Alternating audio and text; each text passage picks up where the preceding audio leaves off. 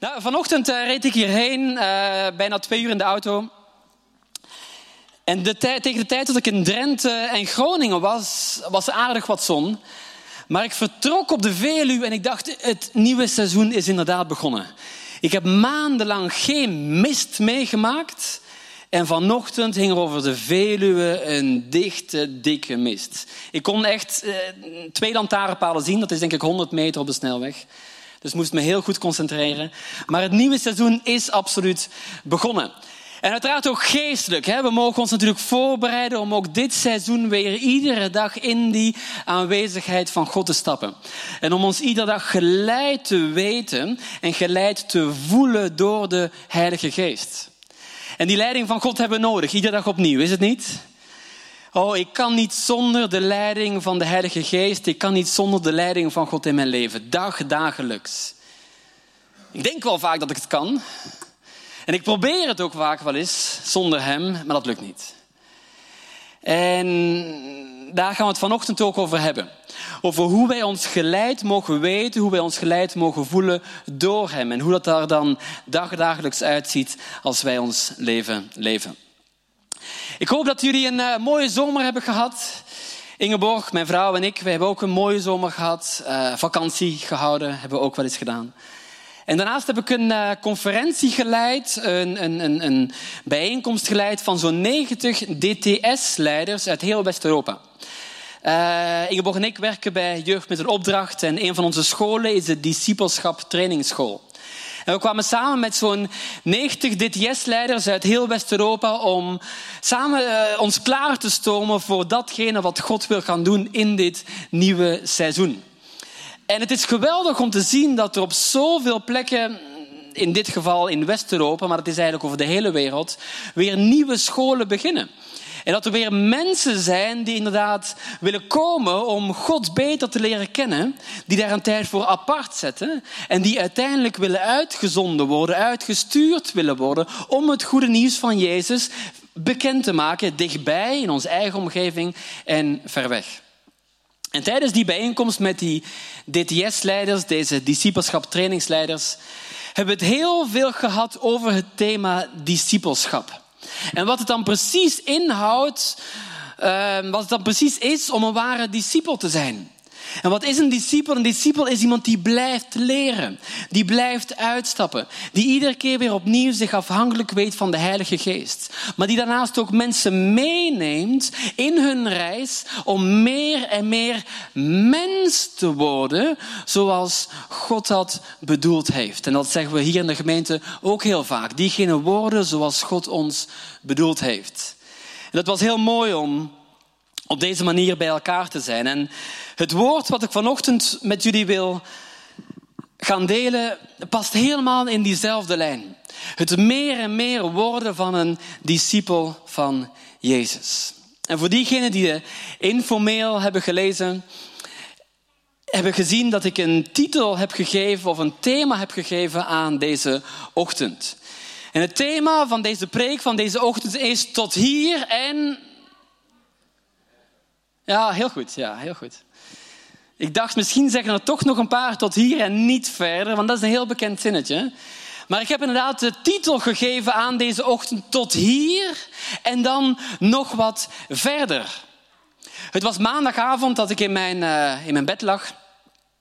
Daar lig ik trouwens iedere avond in. Ik lig iedere avond wel eens in mijn bed.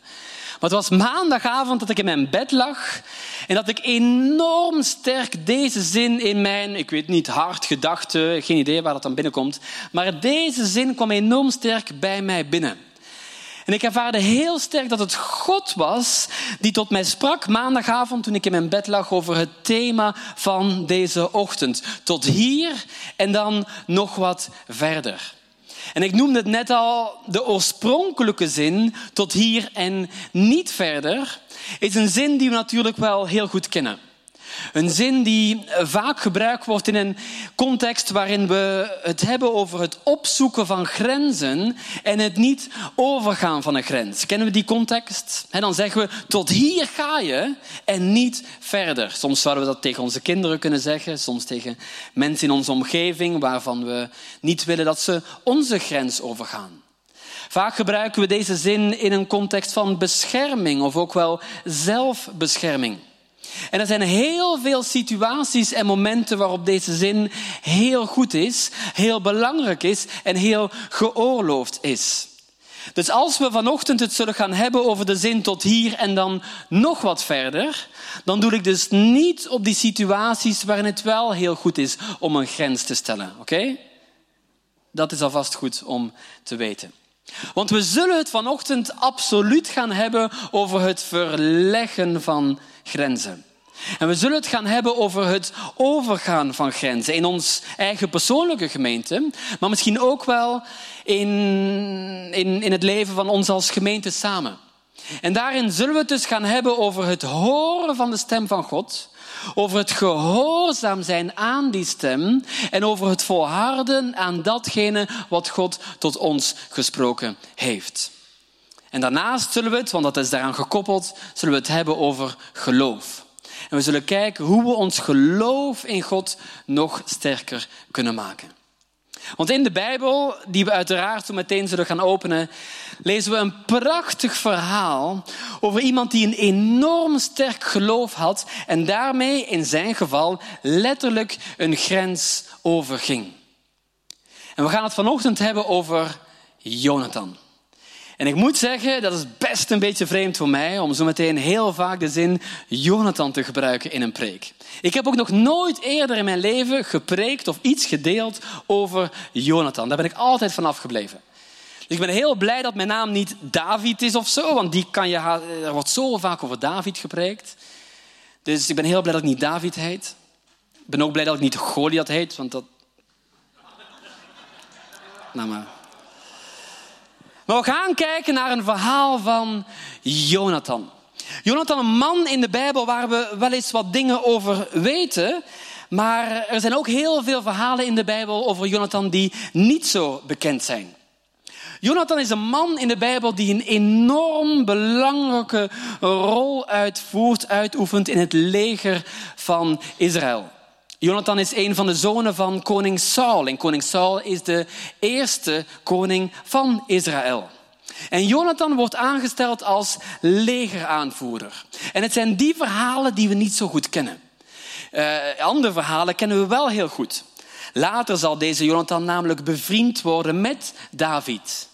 En dan wordt er in de Bijbel gepraat over boezemvrienden, over een hele hechte vriendschap met deze David, die dus uiteindelijk de opvolger zal gaan worden van Saul.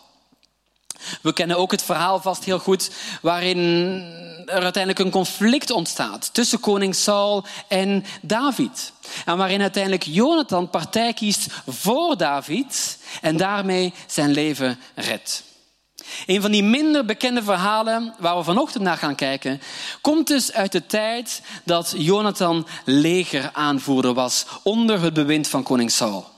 En de Israëlieten, dat weten we, dat hebben we kunnen lezen in een aantal verschillende boeken in het Oude Testament, zijn wel vaker betrokken geweest bij een oorlog. En we gaan een verhaal lezen zo meteen uit 1 Samuel hoofdstuk 14. Maar voor we daarnaar gaan kijken, neem ik u even mee naar de context. En we gaan vooral even kijken naar datgene wat er gebeurde in hoofdstuk 13. Dus een hoofdstuk net voor we naar hoofdstuk 14 gaan. We zien daar namelijk dat de Israëlieten in een ontzettend benarde situatie zitten. Ze hebben al heel wat veldstrijden gestreden. Ze hebben al heel wat oorlogen gevoerd. En uiteindelijk zien we dat het Filistijnse leger, de vijand, enorm sterk is geworden. Maar dat het leger van koning Saul, de Israëlieten dus, enorm verzwakt is en enorm uitgedund is. Maar toch zien we ook in het vorige hoofdstuk dat er nog een overwinning wordt behaald door de Israëlieten. En Jonathan speelt hier een cruciale rol in. En dan komen we aan in hoofdstuk 14 van 1 Samuel. En daar lezen we dit. Daar staat, op zekere dag zei Jonathan, de zoon van Saul tegen zijn wapendrager, laten wij oversteken naar de Filistijnse wachtpost aan de overkant. Maar hij vertelde aan zijn vader niet wat hij van plan was. Saul had zijn tent opgeslagen onder de granaatappelboom bij Migron, even buiten Gibea. En hij had 600 man soldaten bij zich. Ook voor de context, 600 klinkt misschien veel, maar in vergelijking met wat het Filistijnse leger op dat moment had, was dit enorm weinig. We lezen verder. De functie van priester werd bekleed door Achia, de zoon van Achitub. Achitub was een broer van Ichabod, die de zoon was van Pinechas, de zoon van Eli, de priester van de Heer in Silo. En ja, ik heb op deze namen geoefend. Dit kwam er de eerste keer niet zo vlot uit als nu. Niemand wist dat Jonathan weg was. Aan weerszijden van het ravijn dat Jonathan wilde oversteken om bij de Filistijnse wachtpost te komen, staken twee rotstanden uit. De Booses in het noorden tegenover Michmas en de Senne in het zuiden tegenover Gibea. En toen zei Jonathan dit tegen zijn wapendraag. Hij zei, laten wij oversteken naar de wachtpost van die onbesnedenen. Misschien is de Heer op onze hand. Hij kan immers even goed met weinigen voor een overwinning zorgen als met velen. Wauw, oké. Hier wordt heel veel uitleg gegeven. Dit is best wel een lange introductie voor een nog veel langer hoofdstuk. En wees gerust, we zullen niet door het hele hoofdstuk gaan. We krijgen heel wat achtergrondinformatie. Er wordt gepraat over een granaatappelboom, er wordt gepraat over de priester, er wordt gepraat over rotstanden, er wordt gepraat over een ravijn. Niet al de informatie hebben we nodig voor vanochtend, maar deze informatie is wel belangrijk als we de rest van het hoofdstuk zouden gaan lezen. En voor vanochtend zullen we vooral gaan focussen op dit eerste vers wat we net lazen en op dit tweede vers. Want Jonathan komt namelijk met een plan. Jonathan wil iets gaan doen. Jonathan wil een grens oversteken, wil naar een grens gaan en dan wil hij nog wat verder. Hij wil namelijk gaan kijken naar die Filistijnse wachtpost, maar dan wil hij er ook effectief naar toe gaan. Hij zegt dat hij wil gaan naar de wachtpost van die onbesnedenen. Dat is een term die hij gebruikt om de vijand aan te duiden. Diegenen die niet bij het leger van God horen. En dan zien we een enorm geloof in het leven van Jonathan. Hij zegt namelijk dat de Heer misschien hem zal bijstaan. Ik heb, heel, ik heb een heleboel vertalingen gelezen over dit vers. Daarna heb ik nog een paar andere talen erbij genomen. Ik ben ook naar de grondtekst gegaan. Want ik hoopte eigenlijk dat ik ergens iets zou vinden waarin wat meer zekerheid overkwam dan dat woordje misschien. Maar het slechte nieuws is, ik heb het niet gevonden. In alle vertalingen, in alle talen, zelfs in de grondtekst, komt het er dus op neer dat Jonathan zegt, laten wij de grens oversteken en we zien wel wat God zal gaan doen. Oké, ik weet dat er op dit moment twee soorten mensen in de gemeente zitten. De gemeente is op dit moment verdeeld in twee kampen. Oké? U hoeft niet uw hand op te steken en vertellen wel, bij welk kamp u hoort. Maar er zijn een aantal mensen onder ons die denken: wauw, wat een geloof heeft deze Jonathan. Hij heeft God namelijk aan het werk gezien, want dat heb ik net verteld, dat vorige hoofdstuk is ook al verteld dat er, dat er veldslagen zijn gewonnen. En nu, Jonathan is op dreef, weet je. Hij gaat ervoor. Hij wil blijven gaan. Hij heeft God aan het werk gezien en hij gelooft wel dat God het nog een keer zal doen. Ook al zegt hij wel misschien, hij gaat er toch voor. Hij heeft de energie, hij heeft de kracht, ook al is hij maar alleen met zijn wapendrager, maar hij gaat ervoor. Een heel groot geloof heeft hij. Een aantal mensen van jullie denken dat. Maar dan zijn er ook waarschijnlijk een aantal mensen die denken, hmm. En nog een keer, ah, ik weet het niet. Wat doet Jonathan hier? Heeft hij namelijk heel duidelijk van God gehoord dat hij naar die Filistijnse wachtpost moest gaan? Zet hij hiermee niet zijn leven op het spel en daarmee ook het leven van zijn wapendrager? Waarom doet Jonathan dit? Weet u, er staat zelfs letterlijk geschreven, we net gelezen, dat hij het niet aan zijn vader liet weten. Met andere woorden, als er iets overkwam aan Jonathan en aan het leven van zijn wapendrager, niemand die het zou weten. Later in dit hoofdstuk lezen we ook dat niemand weet waar Jonathan is. Tegenwoordig heb je een functie op je telefoon dat heet Find My Phone. Dat kan je dan koppelen aan elkaar en dan kan je van elkaar weten waar je je allemaal bevindt, toch? Of je deelt even je live locatie via WhatsApp. Hier wist niemand waar Jonathan en zijn wapendrager waren. Oeh, is dat nu wel zo slim? Getuigt dat nu wel van een groot geloof? Heeft Jonathan hier misschien iets te veel lef? Neemt hij niet een onnodig groot risico? Want ja, hij heeft God dan wel aan het werk gezien, maar hij gebruikt toch de term misschien zal de Heer ook deze keer zijn werk doen. En daarom toch een woordje uitleg. Want in mijn voorbereiding was ik niet helemaal bevredigd toen ik deze zin las. En toen las ik een aantal artikelen van Bijbeluitleggers en theologen. En zij omschrijven dit woordje misschien toch als een Jonathan die een ontzettend groot geloof heeft. Ik dacht, oké, dat is interessant, ik lees het niet. Maar zij zeggen namelijk dit. Zij zeggen dat het woordje misschien toch ermee te maken kan hebben dat hij enorm zeker is van zijn zaak. Zij zeggen namelijk dat het woordje misschien erop kan duiden dat Jonathan een soort eerbied had voor zijn God, een soort ontzag had voor zijn God, om zonder twijfel ervan uit te gaan dat de Heer toch aan het werk zou gaan. En dan zet hij dat nog meer kracht bij door te zeggen dat God ook met weinigen een overwinning kan geven. Oké, ik dacht dat is mooi. De Bijbeluitleggers, de theologen hebben het al het werk voor mij gedaan. Ze zijn het er allemaal over eens dat toch het geloof van Jonathan sterk genoeg is. Maar dan lezen we verder. Want gaat hij namelijk onbesuist door het leven? Nee. Heeft hij een doel? Ja. En komt hij met een plan? Jazeker. En dat lezen we in datzelfde hoofdstuk 1 Samuel 14 vanaf vers 8. En daar staat, dit zegt hij tegen zijn wapendrager, zie, wij steken over naar die mannen en zij zullen ons aan hen vertonen. Oké, dus hij heeft een plan. Hij zegt, wij zullen ons kenbaar maken. Wij zullen laten zien dat wij er zijn. En dan zullen de Filistijnse mannen op die wachtpost ook hun kenbaar maken aan ons. En dan zegt Jonathan tegen zijn wapendrager, als zij dit zeggen tegen ons, sta stil totdat wij bij u komen, dan zullen wij op onze plaats blijven en dan zullen wij niet naar hen toe klimmen. Maar, zegt Jonathan, als zij dit zeggen tegen ons, klim naar ons toe, dan zullen wij naar hen toe klimmen. Want dan heeft de Heere hen in onze hand gegeven. Dat is het teken, dat is voor ons het teken. Met andere woorden, Jonathan gaat wel, want ja, hij heeft genoeg geloof en hij heeft God aan het werk gezien. Maar op hetzelfde moment bouwt Jonathan ook een soort zekerheid in. Hij weet wel dat God een plan heeft, maar terwijl hij gaat, checkt hij samen met God de verschillende mogelijkheden.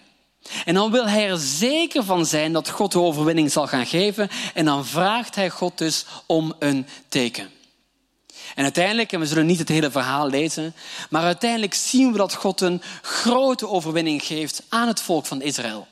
Want er komt inderdaad een reactie van de Filistijnen, van die Filistijnse wachtpost. En die reactie van die Filistijnen wordt door Jonathan opgevat als een teken van God dat hij inderdaad nogmaals de overwinning zal gaan geven. Lees het verhaal er zeker op na. Jonathan wist wie zijn God was.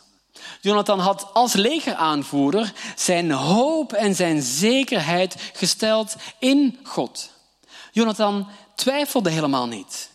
Jonathan kende de natuur en het karakter van God. En dat brengt ons bij een heel groot verschil tussen Jonathan en zijn vader, koning Saul. Koning Saul was namelijk erg afwachtend. Koning Saul had God wel aan het werk gezien, maar nu weet hij het niet zo goed meer. Jonathan daarentegen is op dit moment de held door wie Israël verlost wordt.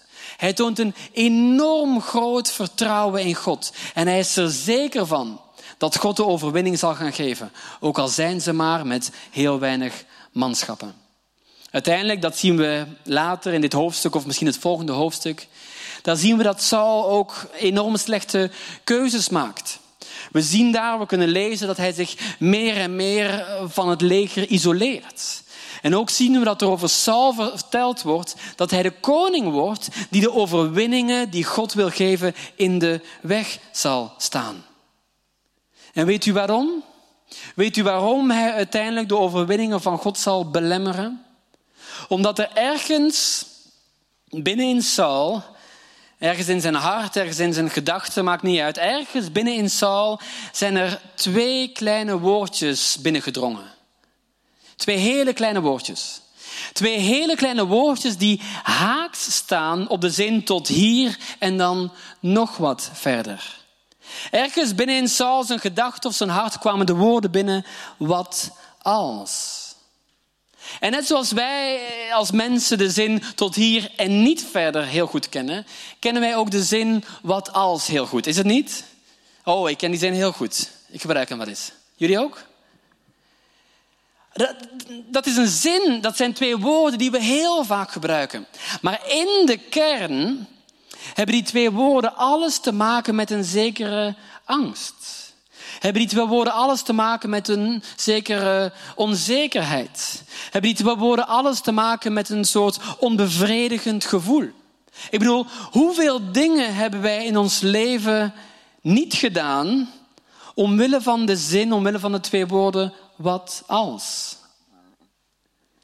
Durven we hier überhaupt over nadenken? Of hoeveel dingen, laat het omdraaien, hoeveel dingen in ons leven hebben wij misschien wel gedaan, die we niet hadden moeten doen, ook omwille van die woorden wat als.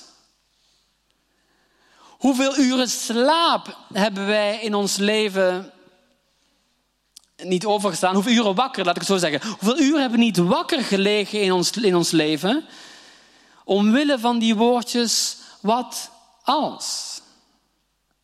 En hoe vaak zijn we niet wakker geworden in de ochtend met de woorden, wat als als grootste vijand voor het begin van die dag. Bij Saul begon de onzekerheid en de angst op een, op een gegeven moment ervan af te spatten. Hij wist niet meer zeker of God de overwinning nog wel zou geven. En dat is natuurlijk de reden waarom Jonathan in het geheim met zijn wapendrager naar de Filistijnen ging. Want hij weet wat het als hij toestemming zou hebben gevraagd aan zijn vader, aan koning Saul, dat hij die, dat hij die toestemming nooit had gekregen. Want koning Saul zou gezegd hebben, wat als? We zijn nog maar met weinig, 600. We zijn verzwakt. We hebben veel manschappen verloren. Wat als? En begrijp me niet verkeerd. Wat als kan natuurlijk een hele goede zin zijn. Ik zeg niet dat we de woorden wat als volledig uit ons leven, uit ons denken, uit onze woordenschat moeten bannen. Maar het probleem, laat ik het anders noemen, de uitdaging voor ons mensen, is dat wij vaak net iets te lang in die woorden wat als blijven hangen. Wat als God dit doet, eh, terwijl wij helemaal niet willen dat Hij dit doet? Of andersom natuurlijk, wat als God dit niet doet, terwijl wij enorm hopen voor Hem om datgene te doen wat wij wel willen doen. Of, of, of, of, of mensen. Wat als mensen? Wat als mensen dit over mij gaan denken als ik nu dat doe? Of wat als mensen dit nu over mij gaan denken als ik dat doe? Zal ik nog wel geaccepteerd worden? Wat als mensen mij niet meer zullen zien voor wie ik werkelijk ben? Wat als mensen mij zullen afwijzen? Wat als ik niet meer welkom ben bij mensen? Wat als mensen enzovoort enzovoort. Herkennen we dat? We kennen iemand, ik bedoel niet persoonlijk, maar ook iemand in de Bijbel, die deze zin, wat als, deze woorden, wat als, ook heel goed kende. En die eigenlijk in zijn leven heel vaak geleid werd door die wat als vragen. Iemand die leefde nog lang voor uh, Jonathan leefde. Nog lang voor Saul leefde. Zijn naam is Mozes. Mozes, we kennen hem. We hebben heel veel over hem gelezen, we hebben heel veel over hem gehoord. En dan gaan we terug naar dat moment waarop God Mozes roept. Hè, ik denk het verhaal van een brandende braamstruik. Waarop God Mozes roept om het volk van Israël te bevrijden uit de slavernij in Egypte. En dan zegt Mozes een aantal keren, oh wat als. Mozes werd ontzettend geleid door een angst en door een onzekerheid. Maar weet u, vaak als wij de woorden wat als gebruiken, dan kunnen we dat herleiden naar een gebeurtenis eerder in ons leven. Naar iets wat in ons leven eerder heeft plaatsgevonden. Niet altijd, maar wel vaak. Weet u, wij als mensen zijn heel goed in het herinneren van dingen. En wij als mensen zijn meestal zelfs heel goed in het herinneren van de negatieve dingen in het leven die we hebben meegemaakt. Herkent u dat? Afwijzing, teleurstelling. En als wij negatieve herinneringen, herinneringen niet kunnen ombuigen naar positieve, of als wij negatieve herinneringen niet volledig achter ons kunnen laten, dan zullen ze ons beïnvloeden in hoe wij ons leven leiden. Dan zullen we ons in het algemeen beïnvloeden in hoe wij keuzes maken in het leven. Dan zullen ze ons, beïnvloeden in het hebben van een juist en een waar godsbeeld. Dan zullen wij anders naar God gaan kijken dan wie Hij werkelijk is. Dan zullen we ook anders relaties aangaan. Want dan zal die wat als vraag heel vaak naar boven komen. Mozes was heel bang om afgewezen te worden toen hij dat gesprek met God had bij die brandende braamstruik. Weet u waarom Mozes zo bang was om afgewezen te worden? Omdat hij dat jaren eerder al een keer had meegemaakt. Jaren daarvoor was Mozes al eens afgewezen en hij was bang om datzelfde nog eens mee te maken. Mozes had namelijk een Egyptische opziener gedood. Kennen we dat verhaal? Hij wilde iets goeds doen. Hij wilde het volk van God beschermen. Hij zag het onrecht wat er plaatsvond maar hij handelde op een verkeerde manier. Hij had hele goede bedoelingen, hij had hele goede intenties, maar hij ging er verkeerd mee om. En omdat hij dat moest doen, moest hij, omdat hij dat deed, sorry, moest hij vluchten. En hier is iets mee aan de hand. Er gebeurt namelijk iets met ons als mens als wij hele goede intenties hebben, als wij hele goede bedoelingen hebben, maar daar op een volledig verkeerde manier mee omgaan. Er gebeurt iets met ons als mensen als wij wel het juiste willen doen. We doen ons best, maar dat pakt volledig verkeerd uit. Er gebeurt iets met ons als mens als wij iets goeds willen doen, maar uiteindelijk helemaal falen. Want wat er dan gebeurt, is dat het woordje wat als helemaal in je geplant wordt. En dan zal je niet zo snel meer uitstappen in het doen van nieuwe dingen. Dan zal je niet zo snel meer zeggen, ja, tuurlijk doe ik dit. Tuurlijk ga ik een grens over en dan nog wat verder. Tuurlijk zie ik wel wat er zal gebeuren. Nee, want die wat als vragen, die hebben dan de bovenhand. Weet u wat hier gebeurt in het leven van Mozes? Mozes projecteert zijn verleden op zijn heden. En hij staat hier de potentie in de weg die God heeft voor zijn toekomst. Horen wat ik zeg? Mozes projecteert zijn verleden op zijn heden en hij staat ermee de potentie in de weg die God heeft voor zijn toekomst.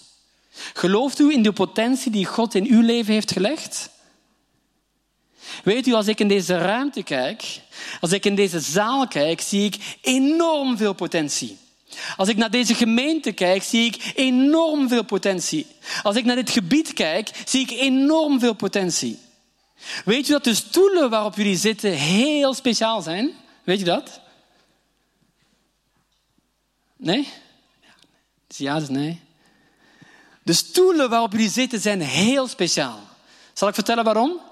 Ze zijn niet zo speciaal omdat ze zo lekker zacht zitten. Dat heeft niks mee te maken. Ze zijn niet zo speciaal omdat ze al jaren in dit geweldige kerkgebouw staan waar God aanbeden wordt. Ze zijn steeds onder die zalving van God geweest. Dat heeft er niks mee te maken. Ze zijn niet speciaal door alle andere mensen die voor u al op deze stoel hebben gezeten. Nee, weet u waarom deze stoelen speciaal zijn? Omdat jullie erop zitten. En jullie zijn speciaal. God heeft ons speciaal gemaakt als de kroon op zijn schepping. En hij heeft een plan met één ieder van ons. Hij ziet potentie in één ieder van ons. Geloven we dat?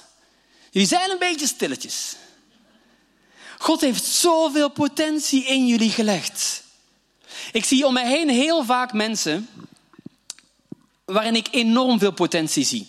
Uh, waarin ik enorm veel mogelijkheden zie. Waarin ik enorm veel talenten zie. Maar ik zie om mij heen ook heel veel mensen waarin ik die potentie zie. En dan zie ik dat ze niet uitstappen en die talenten niet volledig gebruiken. Waarom? Omdat ze waarschijnlijk teleurgesteld zijn geraakt. Omdat ze waarschijnlijk te maken hebben gekregen met die wat-als vragen in hun leven. Ja, want, want, want, want, want, want, want wat als? Nee, zeg ik dan. Daar stoppen we mee.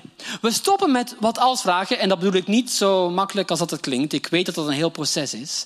Maar het is voor mij ook een proces geweest. Ik heb ook enorm moeten leren om mijn denken te vernieuwen. Ik heb net genoemd dat ik de wat als vraag ook heel goed ken. Maar ik heb moeten leren om mijn denken te vernieuwen. En iedere keer als de zin wat als bij mij naar boven komt, dan probeer ik, want vaak lukt het wel en vaak lukt het niet, maar dan probeer ik dat onmiddellijk om te ruilen met woorden, oké, tot hier met je wat als, en vanaf nu gaan we verder, maar dan de andere kant op. Hoort u mij? Tot hier en dan verder, maar dan niet in de richting van de wat als, maar in de richting die God voor ons heeft. Voor ons als gemeente samen, maar voor, ook voor ieder individu. En ja, dan hebben we het over het verleggen van grenzen dan hebben we het over het uitstappen in het doen van nieuwe dingen. Dan hebben we het over het doen van die dingen die God van ons vraagt. En dan hebben we het over gehoorzaamheid. En uiteraard hebben we het dan over geloof. Want dan gaan we terug naar die woorden van Jonathan. Laten we de grens oversteken, zegt hij, en we zien wel wat God zal gaan doen. Een paar dagen geleden, afgelopen donderdag, ging Ingeborg, mijn vrouw, ging eh, met een aantal mensen naar Luxemburg. Uh, Luxemburg, een, uh, een, land in Europa, landje, maar met alle respect een land in Europa. Um, wat eigenlijk heel dichtbij is. Het is geen buurland van ons. Je moet er een mooi stukje of een klein stukje door het mooie België natuurlijk. Een land wat, Luxemburg, een land wat, wat, wat, wat, wat enorm rijk is. tenminste, zo kijken wij vaak naar Luxemburg. Goedkope benzine en heel veel welvaart. Dat is vaak wat we denken als we aan Luxemburg denken. Um, heel veel geld, heel veel bankwezens zitten in, um, in Luxemburg. Een land met enorm veel welvaart. Maar ook een land waar geestelijk gezien enorm dikke, grote, zwarte wolken boven hangen. Een land waar een enorme eenzaamheid is. Een land waar het heel moeilijk is om het evangelie te brengen. Weet u zelfs dat Luxemburg het land is, hier in West-Europa, dat het minste toegang heeft tot het evangelie. Zo is het bijvoorbeeld helemaal verboden op scholen, vanaf kleuterklas, basisonderwijs tot de universiteiten, om maar iets met het geloof of de Bijbel te doen. Maar weet u ook dat de Bijbel in het Luxemburgs, wat de officiële taal is van Luxemburg, nog niet eens helemaal vertaald is? Ik bedoel, jullie weten, ik ben zendeling, ik ben vaak in China geweest, India, Nepal, allemaal een aantal keren, uh, Japan. Er zijn heel veel officiële talen, ook heel veel stammentalen. En er is nog heel veel werk aan de winkel als we het hebben over bijbelvertalingen in die landen.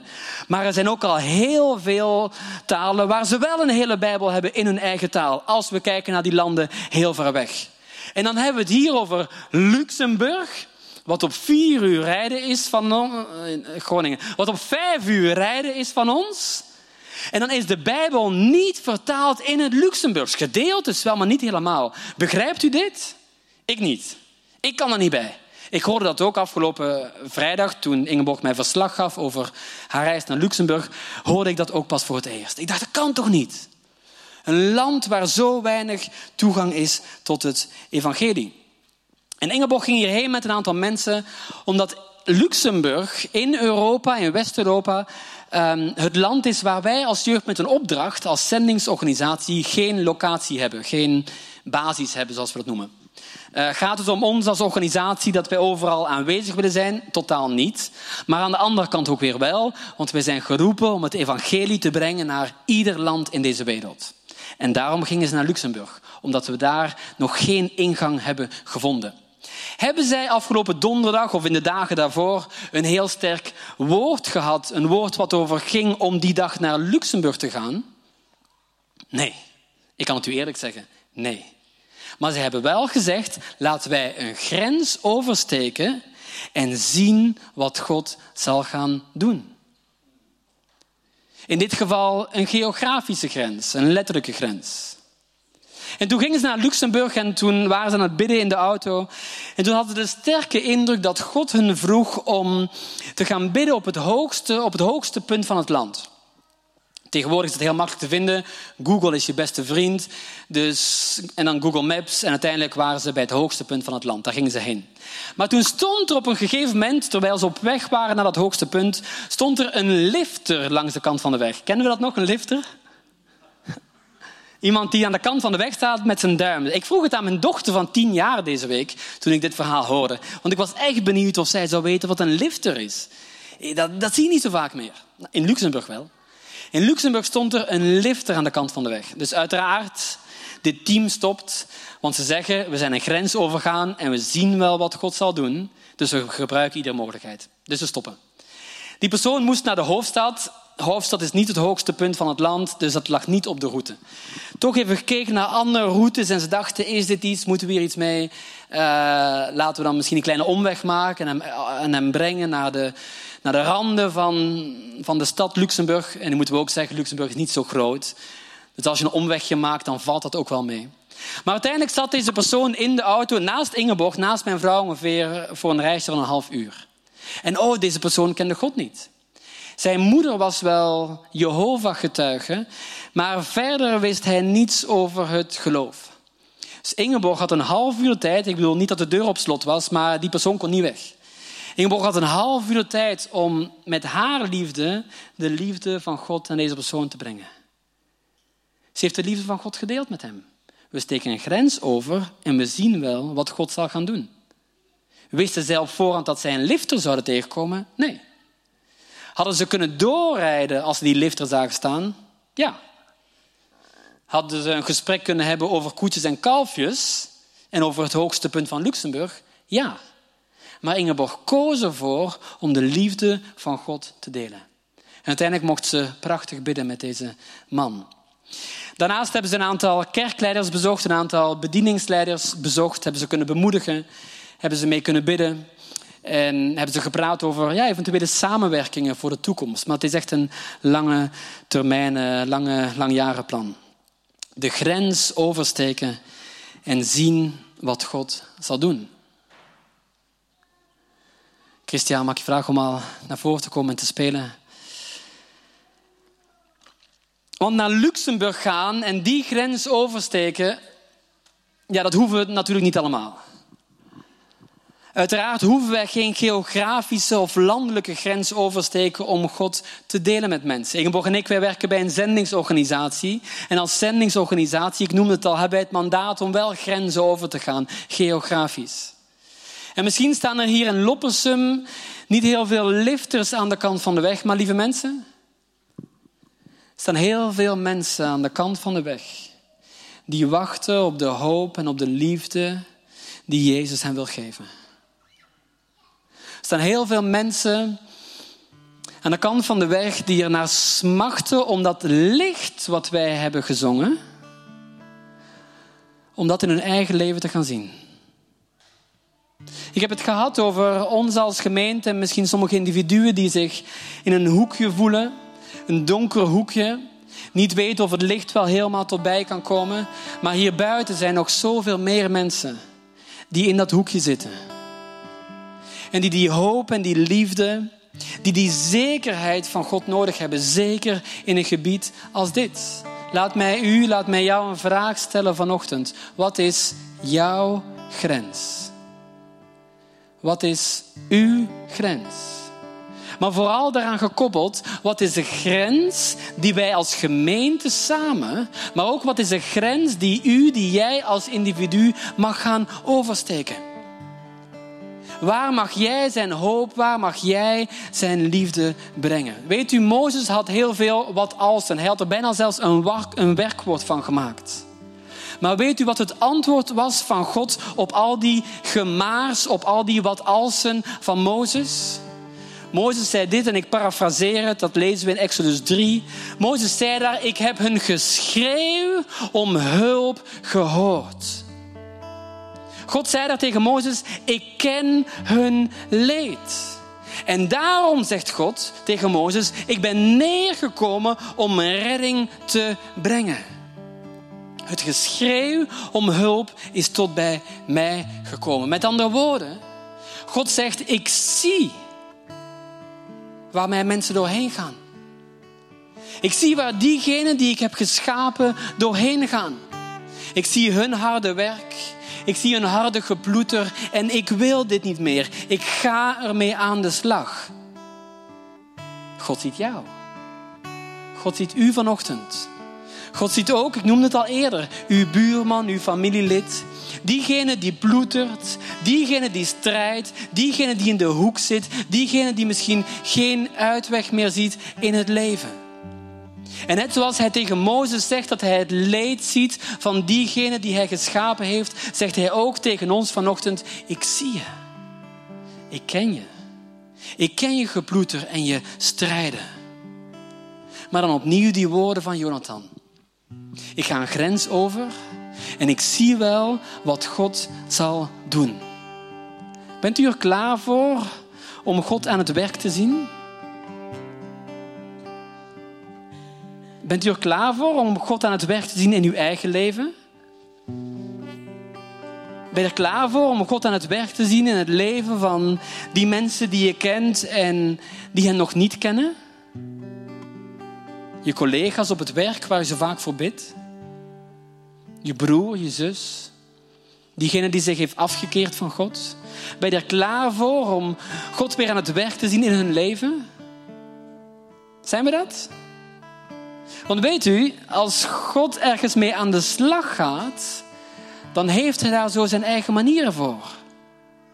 Als ik zou zeggen, ik ga ergens mee aan de slag, dan ziet dat er heel anders uit dan als God ergens mee aan de slag gaat. Vijfduizend mensen te eten geven. Ja, ik zou zeggen, stuur ze naar huis, joh.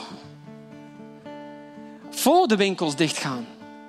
Voor het donker wordt. Wij hebben geen eten, maar wat zegt God? Ik gebruik het lunchpakketje van een kleine jongen.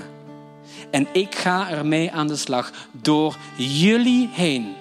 Want jullie vullen de manden. Jericho innemen. Meters, meters dik waren die muren. Ja, ik zou zeggen, we hebben een stormram nodig. We hebben sterke mannen en vrouwen nodig om die stad in te nemen. En wat geeft God ons? Een trompet. En hij zegt, ga maar wandelen. Aan God zeggen dat je geen middelen hebt om je schulden af te betalen, financiële nood waarin je bevindt, dan zegt God dit. Wat heb je in je huis? Dan zeg jij, ik heb olie in mijn huis. Dan zegt God dit. Pak alle kruiken die je kan vinden. Niet alleen je eigen kruiken, ook de kruiken van je buren, ook de kruiken van je vrienden. Breng ze allemaal naar je huis. Ik zal ze vullen. En met dat geld wat je daarmee verdient, zal je alle schuld afbetalen. Had ik zelf nooit kunnen denken.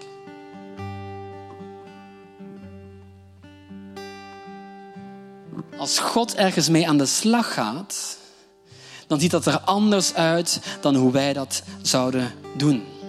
Weet u, ik geloof dat God in staat is om het onmogelijke te doen. Maar ik geloof nog meer. Ik geloof ook dat God in staat is om het onmogelijke te doen door mij heen. Een grens oversteken, tot hier gaan en dan nog wat verder en zien wat hij doet. Dat doen we niet omdat ik dat zo goed ken en mijn naamgenoot Jonathan dat zo goed kan. Nee, dat doen wij omdat we de zekerheid hebben dat God met ons is. Maar dat kunnen we alleen doen als wij hem toelaten om door ons heen te werken. Hij heeft zo zijn eigen manieren om dingen op te lossen. Wie had verwacht dat hij redding zou geven aan deze wereld? Door te sterven aan een houten kruis? Wie had dat verwacht? Mijn Jezus kan doen wat niemand kan. En mijn Jezus doet wat niemand kan. Maar weet u, jij en ik, we hebben dezelfde Jezus. Dus dat betekent ook dat ik het geloof heb dat God door jou, door u, die onmogelijke dingen wil gaan doen. Hij wil redding brengen aan jou en ook door jou heen. En ik geloof dat er vanochtend mensen zijn in ons midden. En daar hebben we over gezongen, die meer en meer van dat licht van Jezus in hun leven willen zien. Maar weet u, in een donkere kamer, zelfs al steek je maar één lucifer aan, de hele kamer is verlicht. Het licht van Jezus komt binnen en gaat niet meer uit. Net zoals hij tegen Mozes heeft gezegd, zegt hij ook tegen jou vanochtend: Ik zie je, ik ken je en ik ken je nood. Maar ik geloof ook dat er vanochtend mensen zijn van wie God vraagt om grenzen te verleggen. En nogmaals, dan heb ik het niet per se, misschien wel, maar dan heb ik niet per se over een letterlijke grens, over een geografische grens, over een landelijke grens. Maar dan heb ik het over het onmogelijke doen doordat God in jou aan het werk wil zijn, doordat God in, aan, in jou aan het werk kan zijn en dat, doordat God in jou aan het werk zal gaan zijn. God is in staat. Wist Jonathan hoe God de overwinning zou gaan geven? Wist hij dat? Nee. Hij zei alleen laten we naar die Filistijnse wachtpost gaan. En dan zien we wel wat God zal gaan doen. Zullen we gaan staan als gemeente? Want uiteindelijk sloot Jonathan af met te zeggen dat God ook een overwinning kan brengen. Niet alleen met velen, maar ook met een heel klein leger. Het maakt niet uit met hoeveel we zijn. Misschien voelt u u alleen, u bent niet alleen. Misschien voelt u u alleen, het maakt niet uit. God kan een overwinning geven waar u, waar jij op dit moment maar bevindt in je leven. Maar ik moet ook heel specifiek, en dat heb ik al de hele ochtend, moet ik denken aan mensen die wij kennen, dierbaren van ons. Want ik heb al ehm, op het einde van de zang, ik heb het ook in mijn preek al genoemd, dat stond niet op mijn papieren, mensen die onze buren zijn, onze familie. Mensen die, waar we heel veel liefde voor hebben, maar die misschien hun rug naar God hebben toegekeerd of nog nooit ja tegen Hem hebben gezegd. En misschien denk jij, ik weet helemaal niet hoe ik de liefde van God moet delen. Maar dan wil ik zeggen vanochtend, we gaan erheen en we zien wel wat God zal doen. We gaan erheen en we laten ons gebruiken door God. En Heer, daarom bid ik op dit moment voor ons als gemeente samen. Met elkaar verbonden, ook de mensen die via livestream meekijken of dit op een later moment zullen bekijken. Bidden voor de mensen in de kinderkerk, bij de Funzondag. Iedereen die bij dit huis hoort. Heer, wij danken u, Heer. Heer, wij danken u dat u trouw bent. We danken u dat u licht bent. We danken u dat u goed bent. En Heer, dat is niet iets wat we heel makkelijk willen zeggen. U bent goed en altijd trouw. Maar het is de zekerheid waarop wij ons leven willen bouwen. Want u bent altijd goed. U bent altijd trouw. En Heer, op dit moment spreek ik u licht uit over deze hele regio in de naam van Jezus. En als u dat met mij mee wilt doen, dan vraag ik u om u, ja, misschien in uw hart, maar misschien zelfs luidop mee te bidden. Dat we het licht van Jezus, kuraba, suraba, suraba, het licht van Jezus willen verspreiden in deze omgeving. Deze omgeving, deze provincie, dit dorp is niet geroepen om in duisternis gehuld te zijn. Deze provincie, dit dorp is geroepen om in te wandelen in de bestemming die God voor je heeft. Loppersum, provincie Groningen, we zetten je vrij in de naam van Jezus. Loppersum, provincie Groningen, we bidden het licht van Jezus uit over jou. In Jezus' naam. In Jezus' naam. We bidden voor de families. We bidden voor de gezinnen. We bidden voor de kinderen. We bidden voor de ouderen. We bidden, Heer, op dit moment voor een vernieuwde uitstorting van uw Heilige Geest. Over iedereen in deze gemeente, maar vooral voor ver daarbuiten. Heer, we bidden dat als wij de deuren openstellen, de deuren openstellen van deze gemeente, dat het licht van u verder verspreid zal worden in deze omgeving. Heer, we bidden dat niet ons geluid zal gaan klinken, maar dat het geluid van uw Heilige Geest zal gaan klinken in Jezus naam. En Heer, we bidden vooral dat u ons daarvoor wilt gebruiken. Want oh, wat een eer. Wat een eer, Heer. Dat u, ook al kan u het allemaal zelf, dat u het niet alleen wilt doen, maar dat u ons wilt gebruiken om uw licht te gaan verspreiden in deze regio. Wat bijzonder.